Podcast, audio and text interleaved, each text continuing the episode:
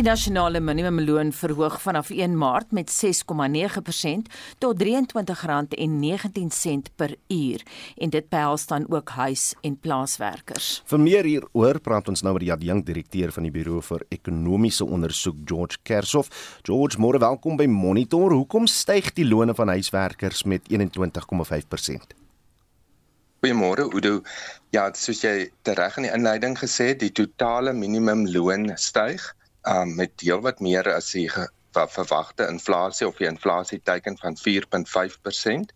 Maar mense sou dink dit is regverdig gegee dat um kos en ander items wat um mense op daardie inkomste vlak um meestal koop met heelwat meer seker as 4.5 gestyg het.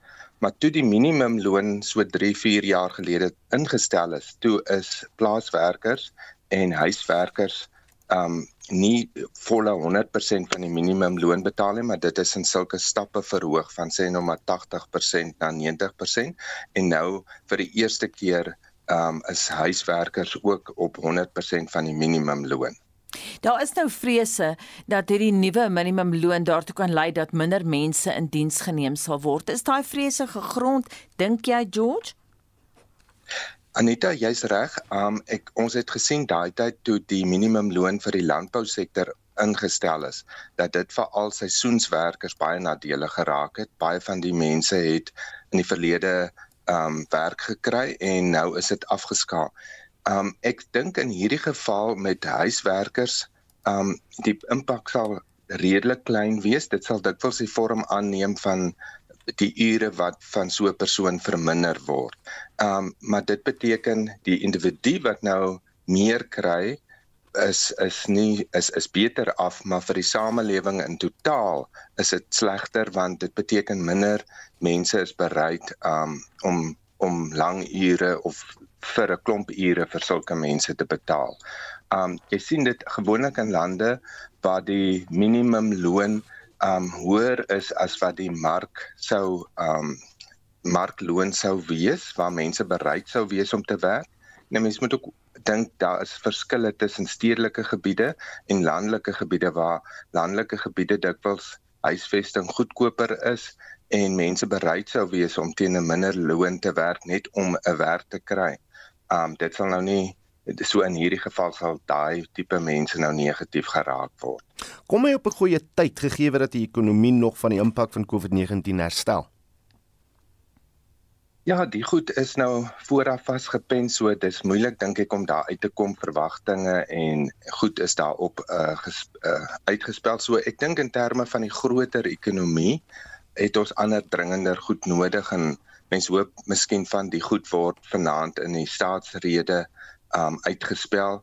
Jy weet as mens moet praat van hoop dan is dit 'n geval van dat jy kan glo wat die president sê gaan ook gebeur. Um en en dat jy dan daarna sien dit gebeur.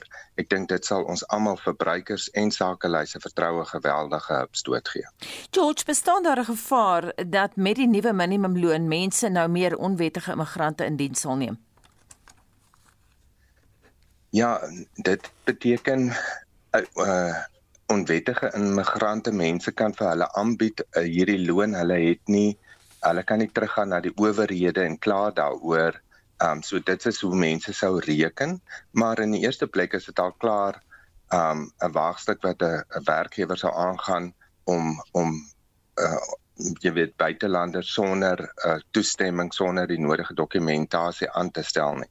Die punt is um as Suid-Afrikaners dikwels onderhandel vir lone dan is dit nie eers die minimumloon waarna hulle kyk nie. Dit is vir heelwat meer lone so op daai vlak uh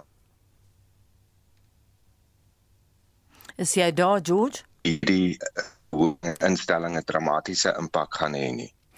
George het julle al ondersoek ingestel net om om presies vas te stel hoeveel die uh, gemeene werkgewer hulle huiswerkers of plaaswerkers vir 'n vir 'n dag se werk betaal Ongelukkig nee, ek het nie so 'n syfer nie. Ek is seker daar is al sulke navorsing gedoen.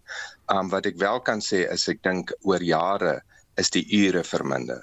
Um en en ja, en dat dit dat die totale loon opgegaan het maar vir 'n kleiner uh, vir minder ure en dit beteken produktiwiteit is hoër. Die persoon moet groter werk vinniger afhandel in 'n korter tyd. Wat verwag jy sal die impak wees op die landbousektor George? Die landbousektor self, ek dink die groot veranderings het ons 3, 4 jaar gelede klaar gesien toe die minimumloon ingestel is en um ek verwag nie dat daar nou dramatiese groot veranderings gaan wees nie. En eh, verstaan ek reg dat, dat die werkers van die regering se uh, uitgebreide openbare werkeprogram nie by die minimumloon ingesluit word nie? Jy's korrek, ja. So hulle is omtrent uh, as ek reg onthou 55%. Um daai program se se mikpunt is eintlik om vir mense die basiese vaardighede van werk te leer. Dit is um amper so sagte vaardighede soos wees betyds um hou vol en en dat dit dan as 'n sein wees vir ander werkgewers nadat jy op so 'n program was dat kan jy kan die persoon aanstel. Ek sien hier by ons in die dorp is dikwels mense wat uh met gras sny besig is of skoon maak en sulke goed en ek dink dit is dan goed as so 'n persoon werk soek by 'n private werkgewer um, om te sê ek het al hierdie ervaring en jy kan terugvoer ook by die persoon se lynbestede kry. So dit is die rede die motivering hoekom eh, dit natuurlik um nie die volle minimumloon is nie en dan is dit koste. Ek dink die regering se doelwit is om soveel as moontlik jong mense maar ook mense wat lank uitgesluit is 'n geleentheid te gee. Dink jy dat die spesiale COVID verligtingstoelaag van R350 per maand voortgesit sal word?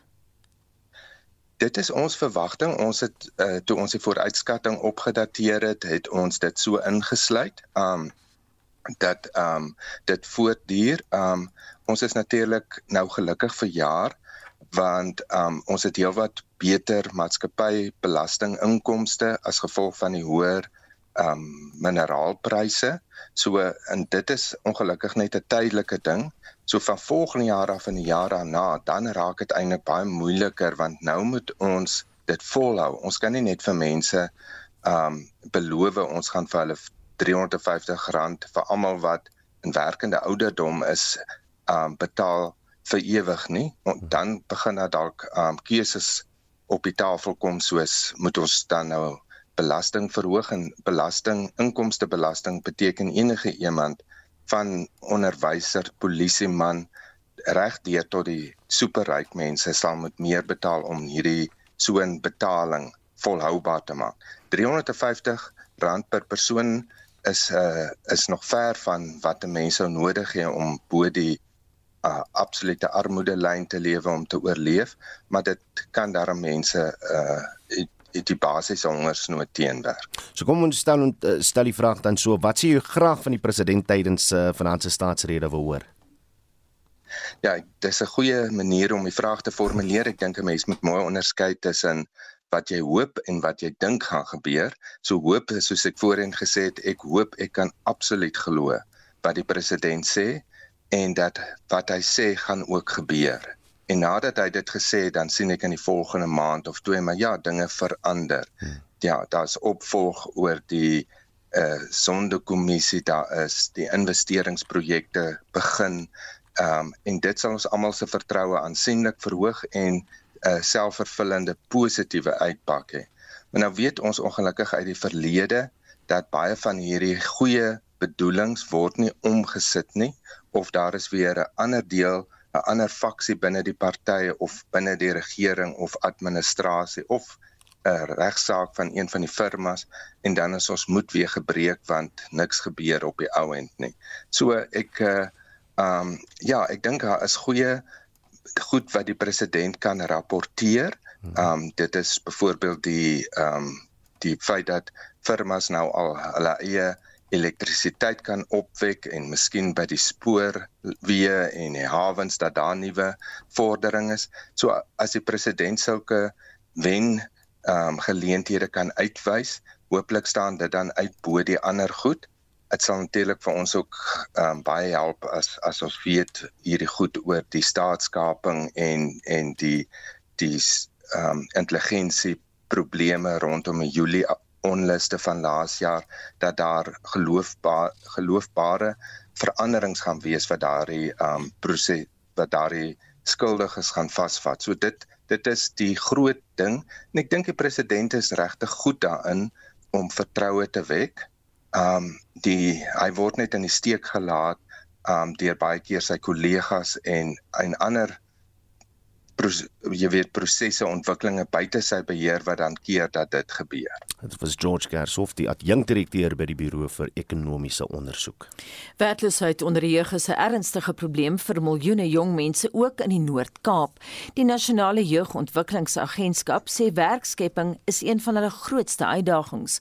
Tydens verlede jaar se staatsrede het president Ramaphosa aangekondig dat die regering jong, jong entrepreneurs finansiëel sal ondersteun. Dit het gelei tot die stigting van die nasionale bestuursnetwerk. Reginald Witboy het meer. Werkloosheid is 'n daaglikse realiteit. Baie jong mense is moedeloos omdat hulle nie werksgeleenthede kry nie. Die 24-jarige Lebogang Ndlovu en sy 23-jarige vriend, Vuyisile Matsoba, het die lang pad van sowat 6 km vanaf Galishewe in Kimberley na die kantoor van die Nasionale Jeugontwikkelingsagentskap in die middestad aangedurf. Dit het hulle te voet in die bloedige hitte van 32 grade Celsius afgelê. Die sweet tab by hulle gesigte af en hulle koeldrank is hulle enigste lafenis. I'm tired as yo yo yo and I'm going to walk again home now. Just ask yourself now how my feet feeling. I'm damn tired. I'm very tired now. Just to come and apply for a job just to get something to do. Lebogang Ndlovu het in 2019 gematrikuleer en was nog nooit werksaam nie. Hy is desperaat om die arbeidsmark te betree en weg van enige kwaad te bly wat die jeug in die gesig staar. As baie ek kan dit teen woorde en send the way as baie harde beter. Elke liewe dag in die son en elke liewe dag sit by die always spin for you. As hard. Hy wil baie graag 'n verkeersbeampte word. Ek staan nog op die voor van traffic, rood traffic. Hy die karriere waar ek moet vir. Sy vriend, die 23-jarige Voyisele Matsoba, het ook nog nooit van tevore gewerk nie en in 2018 matrikuleer. Hy het bemarkingsbestuur studeer, maar moes sy studies staak as gevolg van befondsing. Hy sê dit is moeilik om werk te vind. Om werk te soek erg in Kimberley is dit is baie swaar. Waarom en hoekom die obstacles wat ons met hulle ontmoet in lokasie is soos die internships wat ons kry hier in Kimberley ons hoor van hulle die poste klaar toe of wat jy daar kom en kry die mense toe so daar sien pad voor is so dat die leerstel vir jou soos 'n mens soos 'n jong mens in die tye en om nie om werkloos te is so dit is baie stressend om op jouself wees soos 'n mens van nou môre staan jy op ken jy nie moet jy weer môre opstaan en weer loop verloop soek of moet jy maar net loop lê by die huis en weer sien wat sal jy kan optel deur die dag Matsoba wil die logistieke mark betree. Hy hoop die nasionale jeugontwikkelingsagentskap kan hom bystaan om sy drome te verwesenlik. Ek droom dat ek met my eie maatskappy kan hê, soos eh, 'n logistics van daar is nou maatskappy wat die hy gaan nooit af hier, daar's altyd 'n increase in daai mense wat as er nou in COVID en baie mense doen goedere online which means hulle moet na hulle toe gestuur word. So in die transport en logistics sal ek kan vorentoe kan gaan en dat is basically en daarin. Dat is die reden dat ik hier vandaag, dat ik kan zien hoe ver kan ik komen op mezelf, we samen alles zullen helpen en zien hoe ver kan ons komen. Want dat helpt net niet voor mij niet, dat helpt ook aan de jonge mannen van ek soos 'n jong man ek loop soekie groter mense dan ek loop soekie self jong man dat hulle kan hulle se familie se kan ondersteun. Die nasionale jeugontwikkelingsagentskap in Kimberley skryf die hoë getal werklose jong mense toe aan verskeie uitdagings in die land. Dit sluit onder andere in die stadige groei van die ekonomie.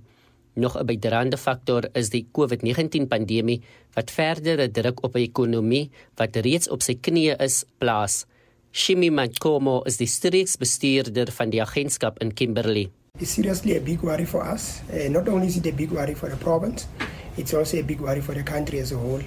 So much so that the president saw it important to establish the presidential youth employment intervention wherein he has pulled together a number of stakeholders in the youth development fraternity, in the labor fraternity, to come together and combine their thoughts and think about how best to address the problem of youth unemployment.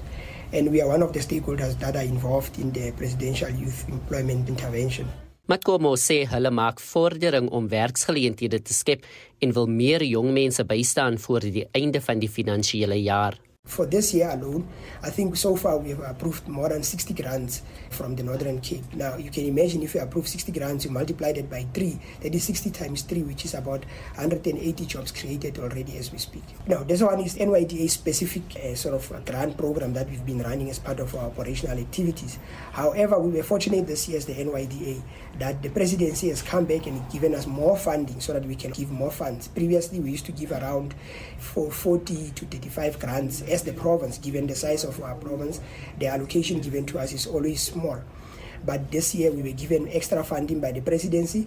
We are pushing to approve at least by the end of the financial year, which is basically by the end of March, we want to approve at least 100 grants. Now you can multiply it by three, it will give you at least 300 jobs created for young people in the province. Vir Ndlovu en Matsoba wie die langpad aangedurf het na die agentskap, is hulle nie seker dat hulle binnekort werk of befondsing sal kry nie. Hulle stry deur onverpoost voort om vir hulle families te voorsien. Ek is Reginald Witboy in Kimberley. Die suikerrietkwekersvereniging sê die regering moet sy woord gestaan doen en die bedryf ondersteun deur plaaslik vervaardigde suiker te koop. Dit volg nadat president Ramaphosa in sy vorige staatsrede burgers aangeraai het om plaaslik vervaardigde produkte te koop. Ons praat nou met die hoofuitvoerende of liewer die uitvoerende hoof van die Suid-Afrikaanse Suikerrietwerkersvereniging, Dr Thomas Funke. Goeiemôre. Goeiemôre Anita. Wat is julle verwagtinge van die staatsrede vanaand? Ja, ehm um, dis dis 'n goeie vraag. Uh ons werk hard aan die meesterplan. Ehm um, en een van die elemente van die meesterplan is om die plaaslike suikerverkope te verhoog. Uh laas jaar het uh, president Ramaphosa gesê dat hy ehm um, dit in die regering gaan dryf. So met ander woorde dat regeringsinstansies net Suid-Afrikaanse suiker gaan koop. So ons wil graag van hom hoor vandag of vanaand eerder, ehm um, of dit gebeur het en hoeveel meer tonne ehm um, die regering van Suid-Afrikaanse meelenaars gekoop het. Het julle nie in die praktyk 'n verandering ervaar nie? Julle werk tog dan daarmee? Ehm um, ons het, maar dit is uh, ons kry die syfers van die mark. So met ander woorde, ons sien uh, ons sien 'n 'n syfer wat die ehm um, die kleinhandelaars byvoorbeeld gekoop het ehm um, en die prosesseerders van suiker. Maar ons sien nie daai daai verhoging waarvan eh uh, die regering gepraat het nie en ons sien ook nie dat daai syfers heeltemal deurkom nie. So ons wil graag hoor ehm um, hoe doen die regering daarmee en ehm um, ja, of of ons daai 300 000 ton wat in jaar 3 van die meesterplan bereik moet word gaan haal. Mhm. Mm wat van werksgeleenthede in die bedryf? Hoe lyk dit? Ja, op hierdie stadium ehm um, is ons maar 'n bietjie deur 'n krisis, uh, maar wat ons kan sê is dat ehm um, die meeste plan gehelp het om die be bedryf te uh, stabiliseer. So met ander woorde het ons uh, minder ehm um, werksgeleenthede verloor. Ehm um, maar daar is nog 'n krisis by ons. Uh die meelens, ons het vreeslik baie riet en daar's twee meelens wat toegemaak het. So ehm um, laas jaar byvoorbeeld is uh 2.6 miljoen ton riet nie verwerk nie. Hmm. En ehm um, dit is meestal aan die noordkus en aan die suidkus. So dit is 'n massiewe impak op boere. En ons hoop maar dat hierdie jaar die meelings beter gaan doen want anders dan gaan daar werksgeleenthede verlore gaan. Thomas, hoeveel van ons suiker word ingevoer en van waar? Ja, ehm um, in 'n gewone jaar, ehm um, so sien ons as die soos die laaste jaar, ehm um, kom daar so 380 000 ton van Eswatini in. Um, ons het gesien dat die suiker van Brasilië en Indië, dit is die ander groot invoerders, um, op hierdie stadium maar min is. Ons het so 19000 ton van hulle ingekry. Um, maar die Eswatini suiker wat inkom is nog steeds 'n groot probleem en en ons is uh, ons ons wil graag met hulle werk om daai probleem op te los. Um en uh, nou ooreenkomste miskien te kom of jy weet te sien hoe ons kan saamwerk. Um maar ja, dit is dit is nog steeds 'n groot probleem. So as jy dink uh van die 2 miljoen ton uh word omtrent 'n kwart van die suiker ingevoer. Ek praat op die oomblik met diplomate in Pretoria en ek gaan nou nie verwys na watter land nie, maar daar is belangstelling van die Europeërs om ons suiker in te voer. Watter ander markte sou julle beoog? Ja, die Europeërs, ons het 'n kwota by hulle, so ehm um, daar's nog 'n goeie waarde. Ons uh voer ook uit na die uh, Verenigde Koninkryk en na die Verenigde State. Ehm um, en dan voer ons maar na die ooste uit, uh, Maleisië, Indonesië en so aan, maar daar daar speel jy op die wêreldmark en die wêreldmark se pryse is maar baie laag. So dit is nog steeds beter om suiker in Suid-Afrika te verkoop. Thomas, hoe vergelyk ons gehalte suiker met die van ander lande se? Ja, ons produseer van die beste suiker in die wêreld. Ehm um, ons het 'n langtermyn ooreenkomste in die verlede gehad met Japan. En uh, dis nogal interessant, die Japanners is ehm, 'n um, land wat na ons toe kom en vra vir suiker. So hmm. uh, ons kwaliteit is top kwaliteit in die wêreld. En dan net laasens, vertel ons 'n bietjie van die Home Sweet Home veldtog. Ja, ons is baie opgewonde oor ons veldtog. Ehm um, dit is nou een van die maniere hoe die die suikerrietkweekers probeer om die mark te stimuleer in Suid-Afrika. Ehm um, ons is ook baie trots op ons verhouding met uh, Proudly SA en Shoprite Checkers. So Shoprite is 'n ongelooflike um partner in hierdie kampanje. Um hulle het regtig hulle kan gebring en uh, ja, ons sien uit hoe hoe dit gaan uitdraai. Um ons wil graag hê dat as 'n verbruiker in die in 'n Shoprite instap en asseblief doen julle julle inkopies daar um, as jy 'n suiker koop dat jy daai pakkie vat en dit omdraai en seker maak dat dit in Suid-Afrika vervaardig word. Dit is wat ons vra van die van die Suid-Afrikaanse verbruiker. Ons ons hoop dit dat ons almal so kan saamwerk. Baie dankie en daai pleidooi kom van die uitvoerende hoof van die Suid-Afrikaanse Suikerriet Kwekersvereniging, Dr Thomas Funke. Ek sien nou by SMS lyn uh, Joni, daar's baie luisteraars wat hulle eie huiswerk doen. Dit is so, daar's ook baie terugvoer van pensionaarsse wat sê hulle kan dit net eenvoudig nie bekostig nie. Theo skryf vraag en aanbod moet op die uh, moet die prys bepaal. Strepe sit sonder werk en na dese sal nog meer werkloos wees. Hier op die platteland verdien mense klein salarisse en kan beslis nie 'n huiswerker bekostig teen die neergelegde vergoeding nie. Ek doen dus alles ook maar self, van kos kook, huis skoonmaak en tuinwerk. Lauren skryf ek en my vrou kan dit nie meer bekostig nie. Ons maak nou self skoon, was self wasgoed, skottelgoed, self stofsuig en stryk. Eenmal 'n maand het ons 'n maatskappy wat net inkom vir 2 ure om 'n bietjie meer deeglik oral te was. Die dae van huishulpe kom tot 'n einde. Dit raak onbekostigbaar. Marna Potgieter skryf: "Ek het nog geen verhoging in die afgelope 6 jaar gekry nie. Alle pryse verhoog. Ek is nie eers seker of ek myself meer kan bekostig nie." So dis ongelukkig 'n nee vir my. 'n Bediende is 'n luksheid wat ek ongelukkig nie sal kan bekostig nie, nie eens op 'n daaglikse tarief nie. Anoniem van Appington sê ek is 'n pensionaris en ons geldjies raak nie meer meer nie en ons moet alle prysstygings steeds probeer absorbeer. So, my werker kan my nou net een dag per week kom help en ek moet maar die res van die werk self probeer doen. En dan staan 'n ander luisteraar wat eenvoudig sê as jy die voorreg van 'n huishulp of 'n tuinier wil hê, betaal dan. En dan natuurlik spring ons nou oor na die WhatsApp lyn. Kom ons hoor wat sê hulle. Ek het nie 'n probleem met minimumloon nie. Um, want die mense moet 'n inkomste verdien. Maar jy hoor so baie van mense wat staatsamptenare en dorpsraadsamptenare ensovoorts wat buitensporige salarisse verdien. Hulle moet 'n wet instel dat sulke persone wat 'n salaristrekker is en byvoorbeeld vir elke 40000 rand 'n maand wat hy verdien, moet hy minstens een werknemer in diens hê wat hy dan nou 'n minimumloon betaal. Dis net funny. Ek werk vir 'n maatskappy vir 15 jaar. Vir die laaste 5 jaar het ons geen verhogings gekry nie. Alles gaan op. En dan moet jy nou nog jou minimum loon ook. Gelukkig doen ek al my huiswerk self. Goeiemôre, is my Babardien. Ja, dit klink goed vir alles jy aan die ontvangkant gaan wees. Maar my kommer en my vrees is daar gaan nog meer werklooses wees. En is dit dan nie die idee om werk te skep nie? Want as ek as 'n pensioen trekker nie daai minimum loon gaan betaal nie, dan gaan ek mos maar self werk. Ek is pensionaris, ek lewe net op SASSA. Nou ek en my vrou is nou al 40 jaar getroud. Sy's nog te jonk om SASSA te trek en dit gaan beroerd. Wat van ons ou mense? Hoekom word ons nie verhoog tot die tot die standaard van 'n minimum loon nie? Dit is wat ons wil weet van die van die staatspresident.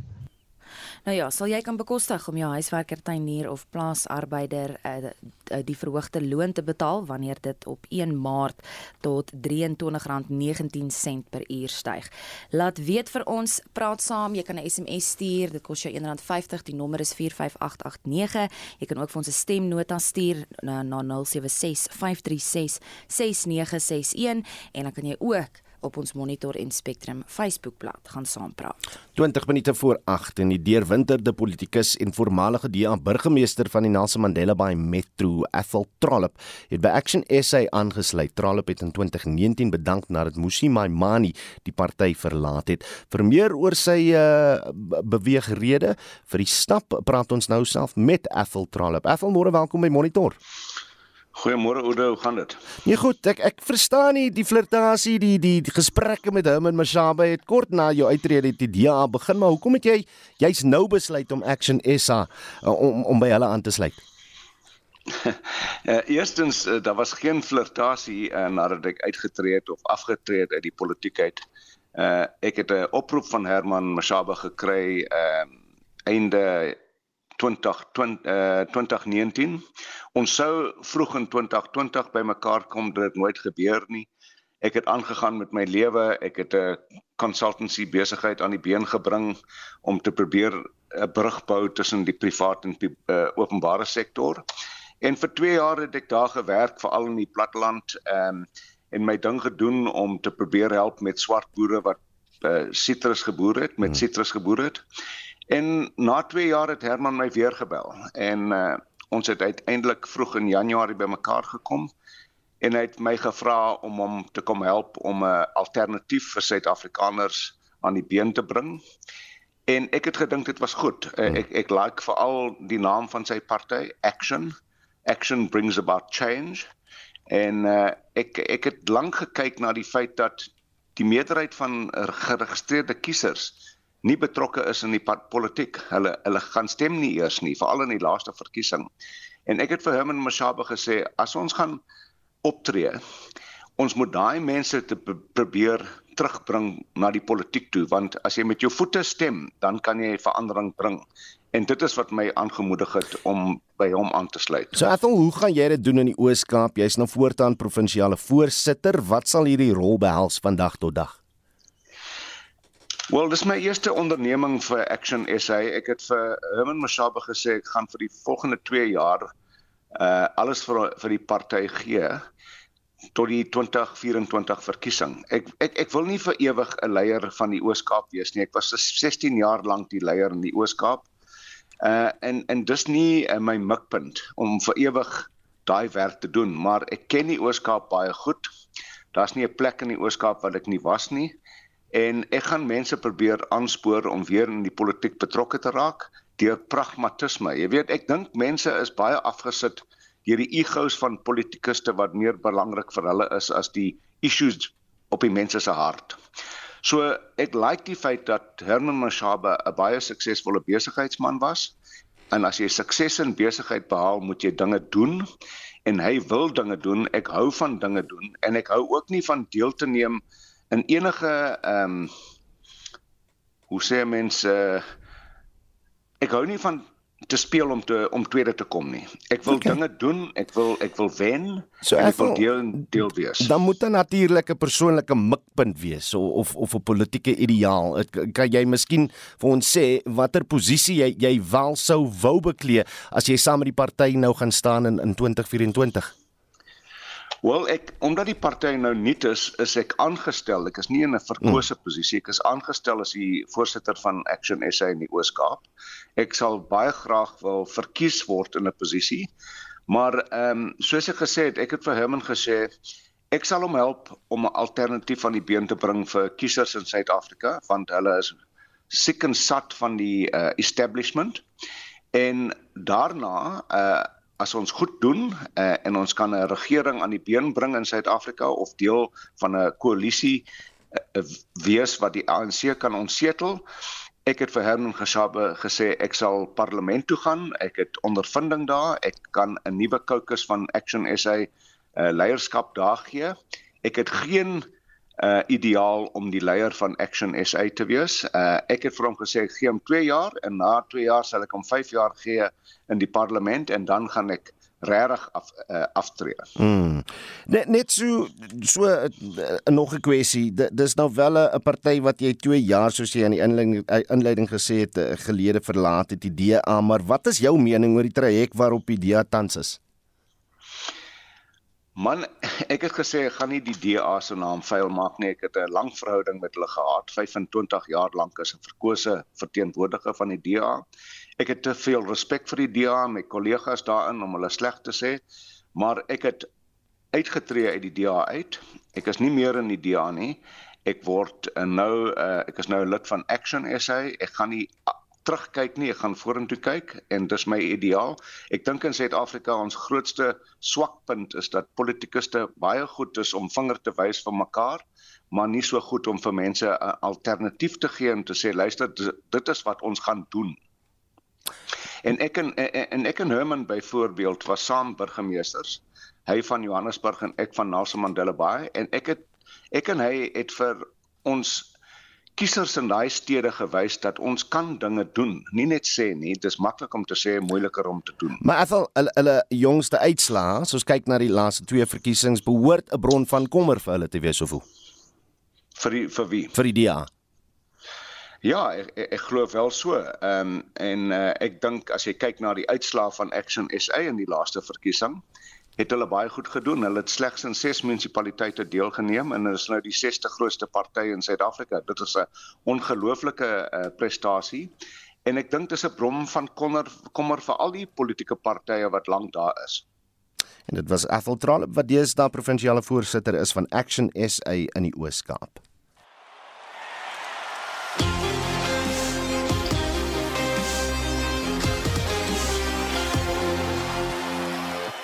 Hier is Shaun Jooste met die jongste sportnuus. In vanoggend se verslag, die mans Protea hokkiespan verloor in Potchefstroom. Engelse Premierliga uitslaa en Lloyd Harris pak sy tasse na die eerste ronde in Rotterdam.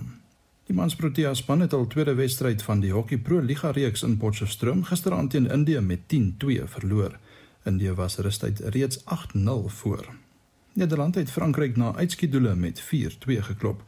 Suid-Afrika kom Saterdag aand weer teen Nederland te staan.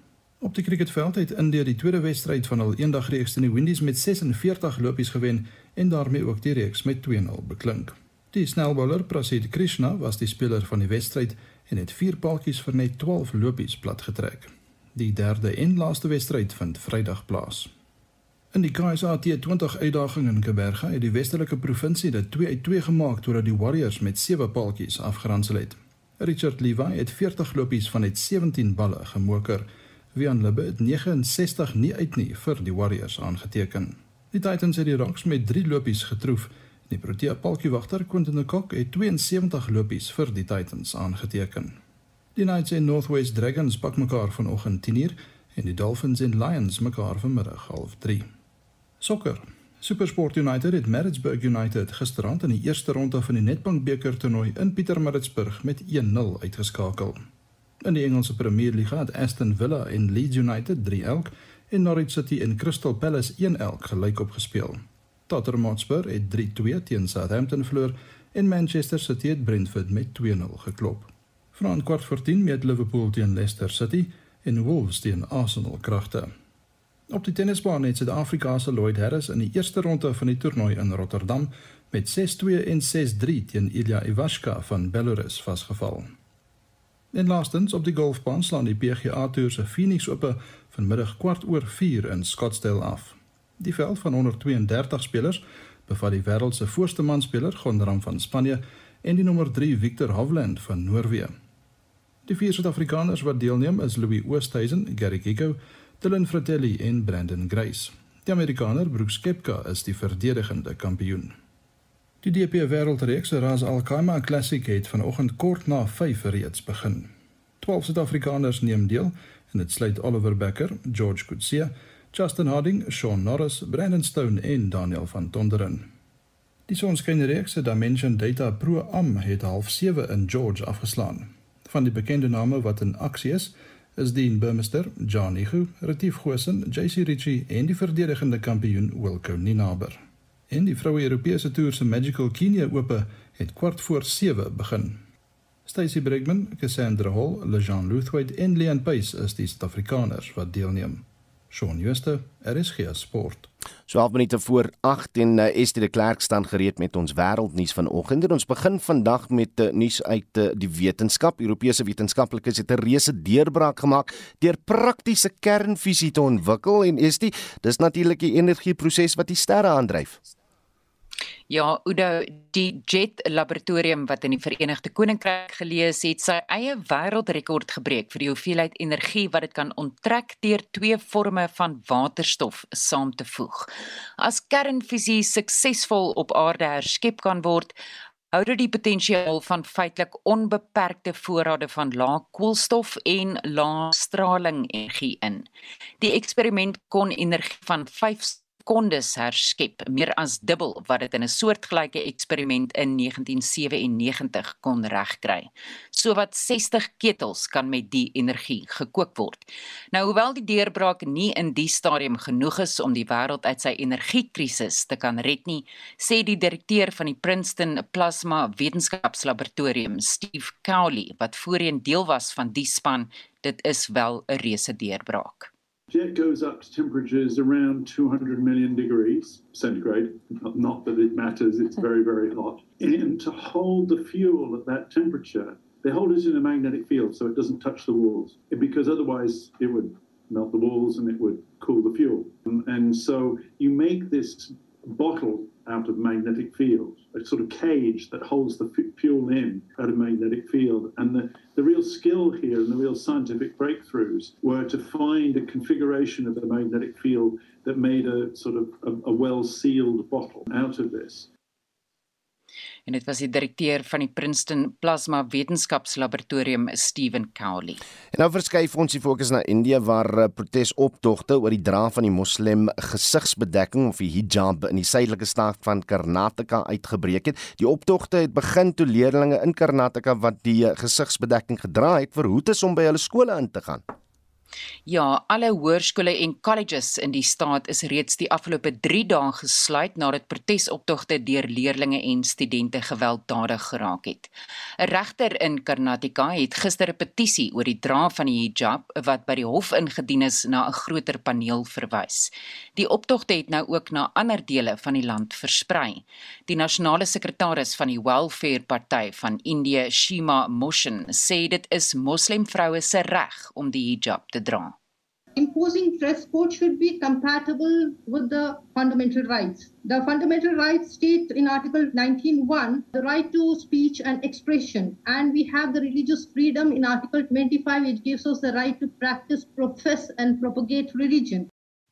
Die minister van onderwys in die staat van Karnataka, BC Nagash, sê egter skooluniforms is universeel. Karnataka is following an uniform dress code in the schools, and it is a discipline in the educational institution. Every student should follow the discipline. They cannot come as they want to the schools. En dit was BC Nagash, die minister van onderwys in die staat van Karnataka in Indië. En dan is die kommerwekkende storie uit Afghanistan waar 'n aantal vroue wat aan betogings deelgeneem het om aan te dring op hul regte as vroue nou vermis word. Ja, Udo, daar's nie baie inligting daaroor nie, maar in die stadium sê die Taliban hy ontken dat hy die vroue gevange hou en die organisasie sê ook hy het 'n algemene amnestie gegee aan almal wat hulle samewerking gegee het aan die vorige regering. Maar die Verenigde Nasies het egter kommer uitgespreek oor patroon van vergelding teenoor aktiviste, joernaliste voormalige regeringsamptenare en veiligheidsowerhede. En dit was Estie de Klerk met 'n oorsig oor vandag se wêreldnuus. En ons skuif jou maar agter die mikrofoon in sit net daai oorstukke op daar gaan ons amper. Wat sê die laaste SMS'e? Ja, terwyl ons nog so 'n paar minute het, kom ons luister wat uh, wat gons op die WhatsApp lyn. Baie mense het nie regtig 'n bediende nodig nie of 'n huishulp of 'n huisbestuurder. Hulle hou maar basies so 'n persoon aan uit die goedheid van hulle hart en betaal hulle 'n um, 'n loon baie hoër as die minimumloon. Maar dit is ironies so dat hoe meer jy jou huishulp betaal, hoe minder gee vir die kerk. Want iewers moet die syfersterm klop. Ek wens so daar's 'n maksimum loon vir hierdie leeggelande klomp ministers van hierdie land, dan sal mense baie beter voel oor 'n minimumloon. Daar behoort eerder 'n maksimumloon te wees. Dis as jy van Rietbron. My ouma het al die jare gewerk by 'n blanke koshuis en sy het nooit 'n probleem gehad met haar salarisie. Sy het altyd kos ook huis toe gebring. En vandag werk my vrou ook by 'n ou huis Haar salaris is al reg. Hulle gee maar elke jaar verhoging en sy bring altyd ook kos huis toe gaar en rou kos. So ja, ek hoop net dat die ander uh, werkgewers ook uh, uh, dit kan doen met hulle werkers. Dis anders en eker wat praat die regering wil hy die private sektor moet met moet minimum loon betaal. Maar wat doen hy? Betaal hy minimum loon? Hy doen dit nie. Hy het nie 'n saak met dit nie. Hy oorbelas die die, die, die private sektor en steur dat hy sy agter sy agterdeur op moet vee. Goeiemôre RSG, Freddy se van Vryheid. Jy weet hulle kla nou so oor hierdie minimum loone. Ek het 23 uh, 32 jaar van my lewe vir spoorweg gewerk. Ek is nou amper 20 jaar op pensioen en ek sit nou nog met 'n salaris wat ek kry vir 'n pensioen van R2200 'n maand. Nou hoe dink hulle moet ek nou 'n huishoud kan aanhou vir daai salaris wat dubbel dis myne gaan wees? Nou ja, ons sê vanoggend baie dankie vir die saampraat. Ons maak môreoggend weer so. Skakel tog jou radio af as jy vir ons 'n stemnota stuur asseblief. Ek haat die die klank van my eie stem. Maar is die uh, wat's in die dagboek? Oor ons vind meer uit oor die wetenskaplike deurbraak om kernfusie te kan ontgin. Ons bring vir jou die laaste voorbereidings en menings voordat president Ramaphosa vanaand sy staatsrede lewer en die Tshwane Metro sny staatsdepartemente en sakeondernemings wat agterstallig is se krag af. Ons kyk na die storie. Onthou vorige uitsendings van Monitor op RC se webblad as 'n potgooi beskikbaar. Gaan na www.rc.co.za. Ons groet namens ons uitvoerende uitvoerende regisseur Nicoline de Weer, die redakteur Jean Esterhuizen en ons produksieregisseur Daitron Godfrey en ek Udo Karlse. En ek is Anita Visser.